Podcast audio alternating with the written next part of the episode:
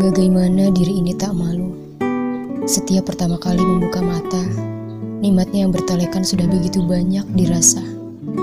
Jantung masih berdetak, mata masih mampu berkedip, seluruh tubuh dapat bergerak dan berfungsi dengan baik.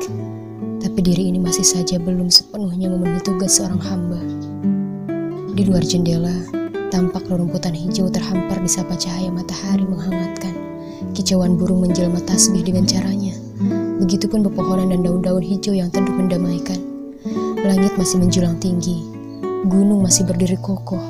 Lautan dengan perahu-perahu di atasnya masih berlayar dengan izinnya. Sawah menghampar luas dan terus bertumbuh. Zam-zam mengalir tiada hentinya. Bebatuan seolah diam namun kelak memberikan kesaksian. Oh ya Allah, betapa banyak waktu yang telah aku sia-siakan. Betapa banyak waktu yang telah habis dan hangus tanpa semakin mendekatkanku kepadamu. Betapa banyak waktu yang kosong tanpa diisi dengan mengingatmu. Sedang engkau sibuk mengurus hamba pada setiap detiknya. Sedang engkau sibuk mengindahkan setiap harap dan melindungi dari bahaya. Betapa egoisnya kami. Datang kepadamu hanya saat hati ini rapuh dan terluka.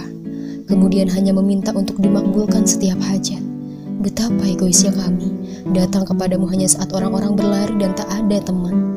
Sedang kau sejatinya selalu ada untuk hambanya, selalu dekat untuk hambanya, selalu memberikan yang terbaik dari setiap pilihan hambanya. Terkadang kami lupa menghabiskan waktu dengan bahagia tanpa menyadari bahwa sejatinya hal itu pun datang darimu. Terkadang kami larut dengan kehebatan yang dipunya, semakin bangga diri dan lupa bahwa sejatinya itu pun darimu, amanah darimu yang tentu harus digunakan di jalanmu. Oh ya Allah, semua yang ada pada diri, semua yang bisa dilihat saat ini, sejatinya akan kembali kepadamu. Tuntun kami agar semakin dekat denganmu. Tuntun kami untuk senantiasa berbekal untuk pulang menujumu. Bantu perjalanan menghamba ini, menjadikan kami sebaik-baik hambamu. Lalu kau perkenankan untuk mengampuni setiap dosa dan khilaf kami, memperkenankan kami masuki syurgamu, bertemu dengan Rasulmu, para nabi, para sahabat, para tabiin, para tabiat, para alim ulama, para orang-orang soleh dan orang-orang pilihan dan terbaik. Perkenankan kami merasakan telaga kausar, melihat syurga yang di bawahnya mengalir sungai-sungai, melihat orang yang bersandar di atas dipan-dipan, meminum air dari wadah yang terbuat dari yakut dan marjan.